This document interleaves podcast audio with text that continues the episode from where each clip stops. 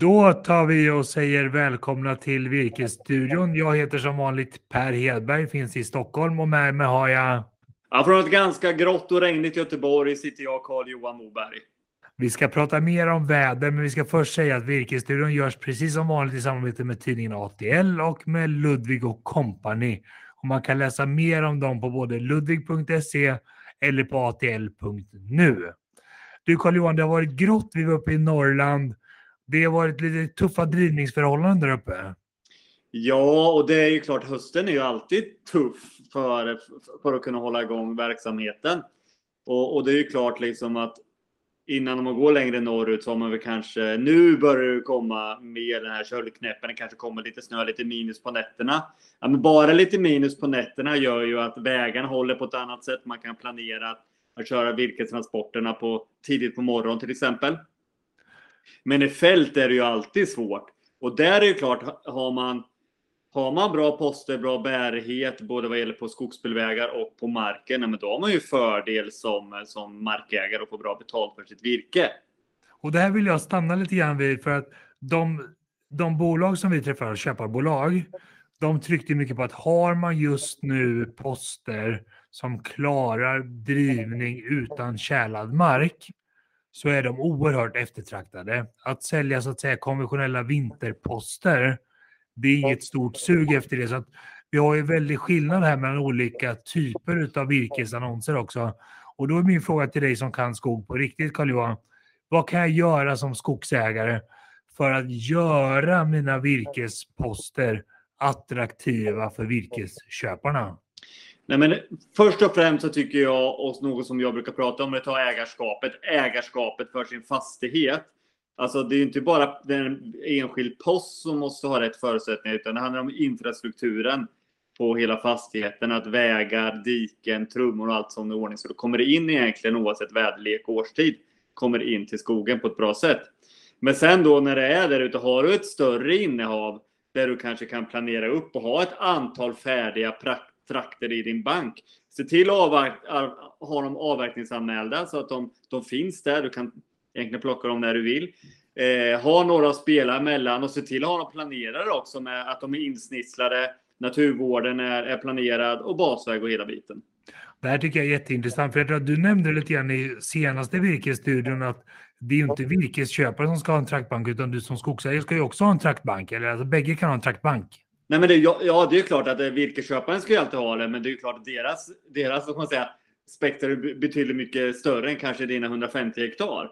Men jag tycker att du måste se till att hålla, ha och på ditt innehav ha lite olika korgar att plocka ifrån och vad, vad som händer. Det kan ju till exempel vara så att eh, att helt plötsligt så dyker priset på, på sågade barrvaror och då kanske att eh, priset på, på löv, om du har det, här, går upp och då är det bra att ha det i bakfickan och kunna dra fram och erbjuda.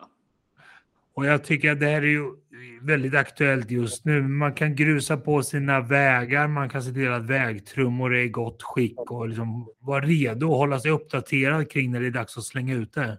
Ja, men det är det. Och på samma sätt som vi ser nu att de här att sågverken som har gjort, gjort ett väldigt bra år och bra resultat. Alltså, vad säger jag? De, varje en kommer nu med investerings, eh, vad de ska investera för framtiden. Typ. På samma sätt tycker jag att man markägare har gjort bra virkesaffärer och återinvestera i, i fastigheten. Självklart alltid plantering och röj och de bitarna.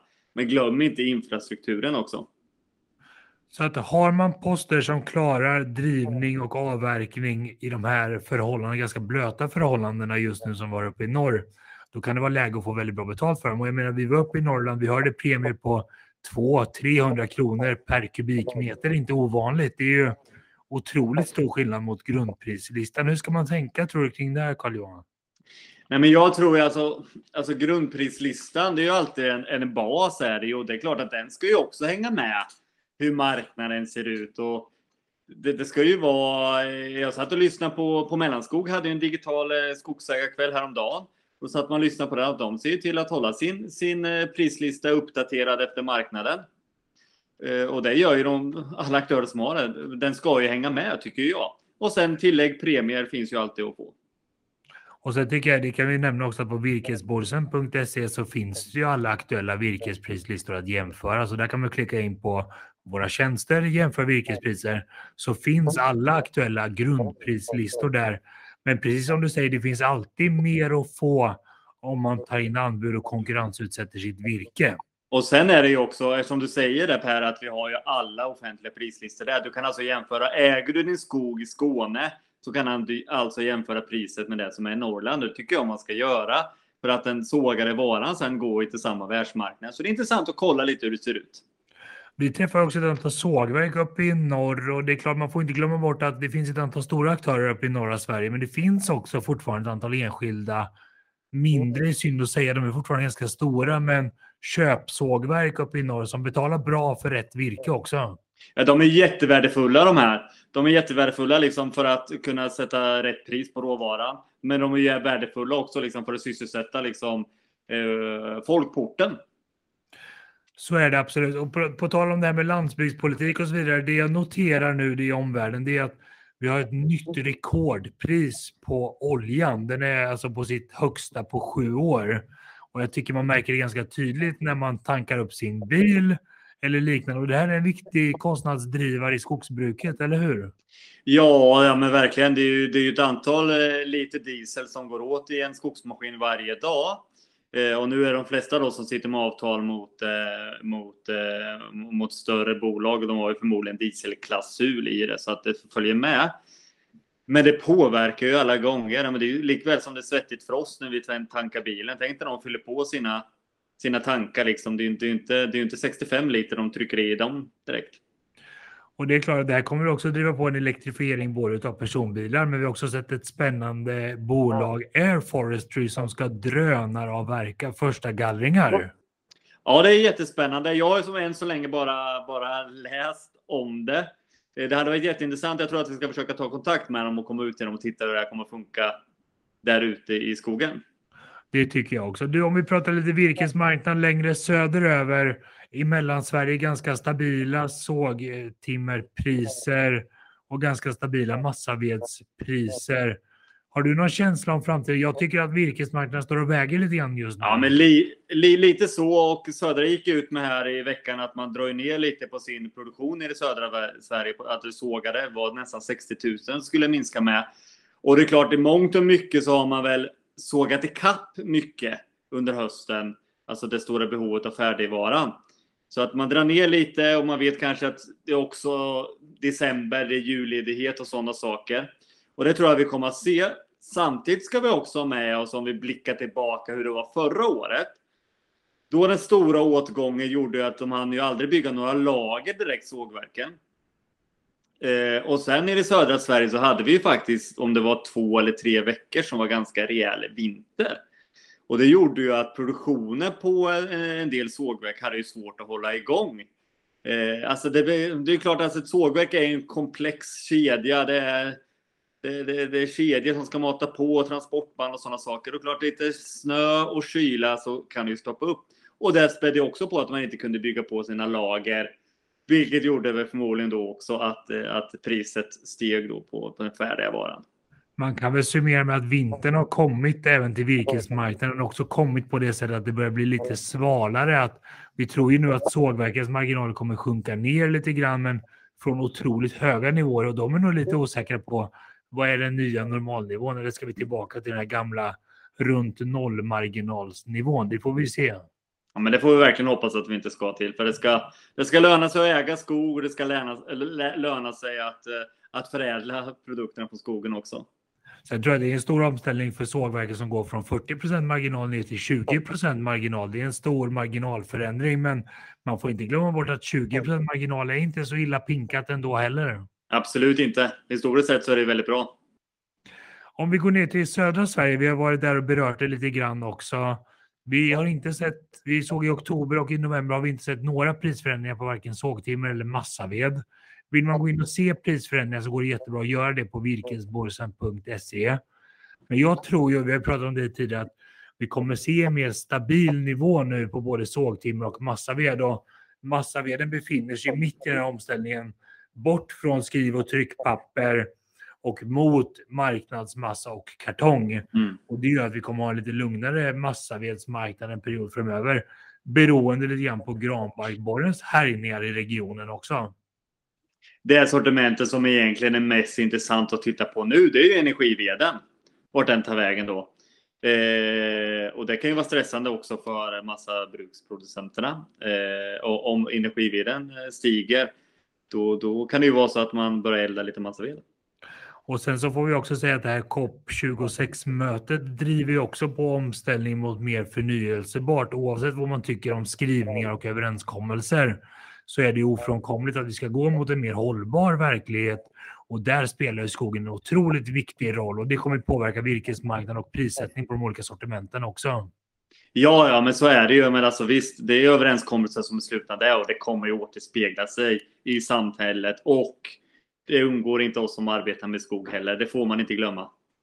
Blir oljan dyrare så kommer kolet bli dyrare och då blir naturgasen dyrare och till slut så kommer det här också till bränsleveden. Så jag håller med dig. Det är intressant att hålla koll på bränsleveden och jämföra de priserna också. Ja, men det är det. Eh, och det är klart, tittar man på det, hur, hur det ser ut med, med förbrukningen så har vi ju stora lager med, med bränsleved. Men med en kall vinter så äts det fort, det vet vi också. Så här, du Karl nu tänkte jag nörda in lite grann. Jag vet ju att du håller på att göra en avverkning på en skärgårdsö. Ja, det stämmer du, bra.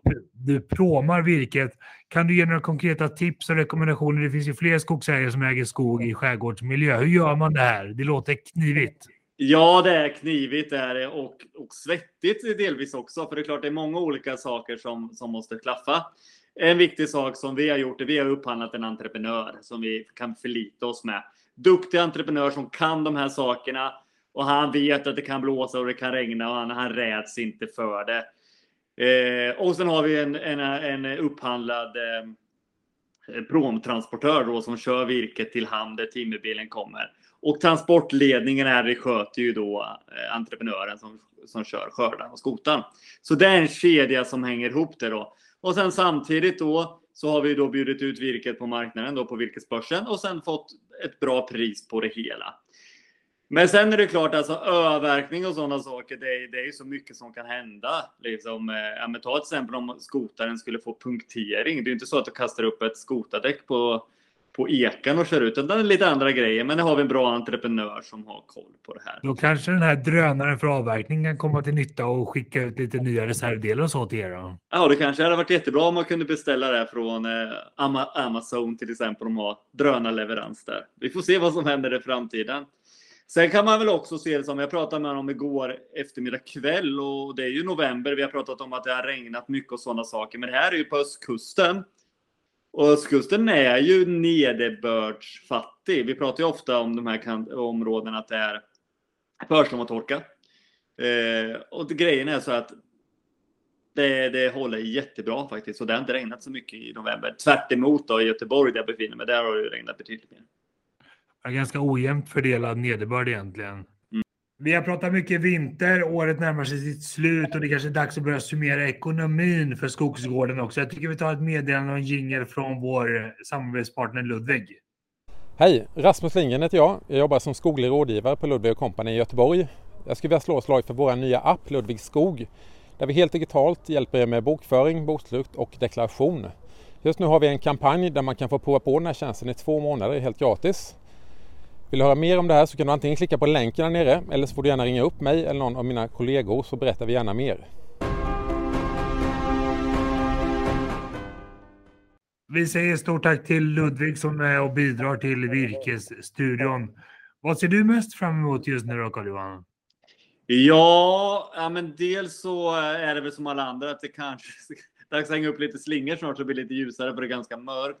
Men samtidigt så är det ju spännande inför års, årsslutet här nu med egentligen med summera året. Ja, men dels vad som åstadkommit på, på virkesmarknaden, hur har det sett ut och sådana saker. Men även då som enskild skogsägare och göra en summering. Vi kommer få ett spännande år 2022 också. Vi kommer se en spännande utveckling på sågade trävaror, på massaveden. Sen har vi också fått en skogsproposition, men det tror jag inte vi ska grotta i så mycket idag. Eller vad säger du? Jag tror det nästan blir ett eget avsnitt faktiskt. Vi kan konstatera att alla var vinnare på skogspropositionen, så det var härligt. Ja, det var ju bra. Får vi bara se vem det är som egentligen är den stora vinnaren och det är väl klart. Det är ju inte. Det får, det återstå, det får framtiden utse tror jag. Men jag tycker ändå det är spännande att konstatera att vi går nu in i ett valår och skogen spelar ändå en nyckelroll för ett antal partier och kring regeringsbildningen. Så det ska bli jättespännande att se vad som händer med skogen och rollen för skogen som den ska spela. Ja, men det tror jag. Och här som sagt, vad som vi pratat innan, här måste vi hålla huvudet högt, högt vi som jobbar och äger skog och hålla en, en, en saklig debatt kring det hela. Så är Vi lär återkomma i frågan. Vi grottar inte mer än så i skogspropositionen idag tycker jag. Vi är nog inte de bästa på att göra det heller kanske. Men själv Per, då, vad ser du fram emot nu då inför den stund, sista månaden snart det här året? Nej, men jag, vi har haft ett väldigt hektiskt år. Det har varit mycket virke till salu på virkesbörsen. Vi har sett nya köpare. Vi har sett nya skogsägare som hittar till vår plattform. Och framförallt har vi sett många skogsägare som har fått otroligt bra betalt för sin skogsråvara. Långt mycket mer än vad de hade fått på listpris. Och det tycker jag återigen det stärker vår tes om att vill man få bra betalt för sitt virke, då gäller det att konkurrensutsätta, jämföra olika anbud, jämföra virkespriser och sen hålla sig uppdaterad. För vi går ju från eh, rekordnivåer på sågade trävaror i USA i våras till så att säga nästan bottennoteringar i Egypten nu. Så det svänger fort i den här branschen. Nej, men det, så är det ju och håller uppdaterande. Och du säger ju det, det har varit ett hektiskt år, vi har jobbat mycket och därför det har vi, står vi nu och ska anställa lite folk på virkesbörsen också. Nej, men så är det. Och vill man jobba på virkesbörsen som vi åtminstone tycker är en väldigt kul arbetsplats så söker vi både utvecklare och vi söker också säljare. Och gillar man att ha kontakt med virkesköpare, med skogsägare och jobba strategiskt fram och forma den här nya digitala skogsägarrörelsen som vi håller på att bygga. Då tycker jag man ska kika in de annonserna och söka till de här jobben eller kanske tipsa någon man känner. Ja, men precis. Det kanske inte är du som tittare lyssnar på det här som, som, som söker nytt jobb, men ni kanske har någon kompis eller något barn som tycker att det här låter jätteintressant. Hör av er till oss. Och visst är det kul att jobba med skog även om vi sitter mycket på kontoret. Ja, men det är underbart. Det är, det är den bästa branschen att jobba i.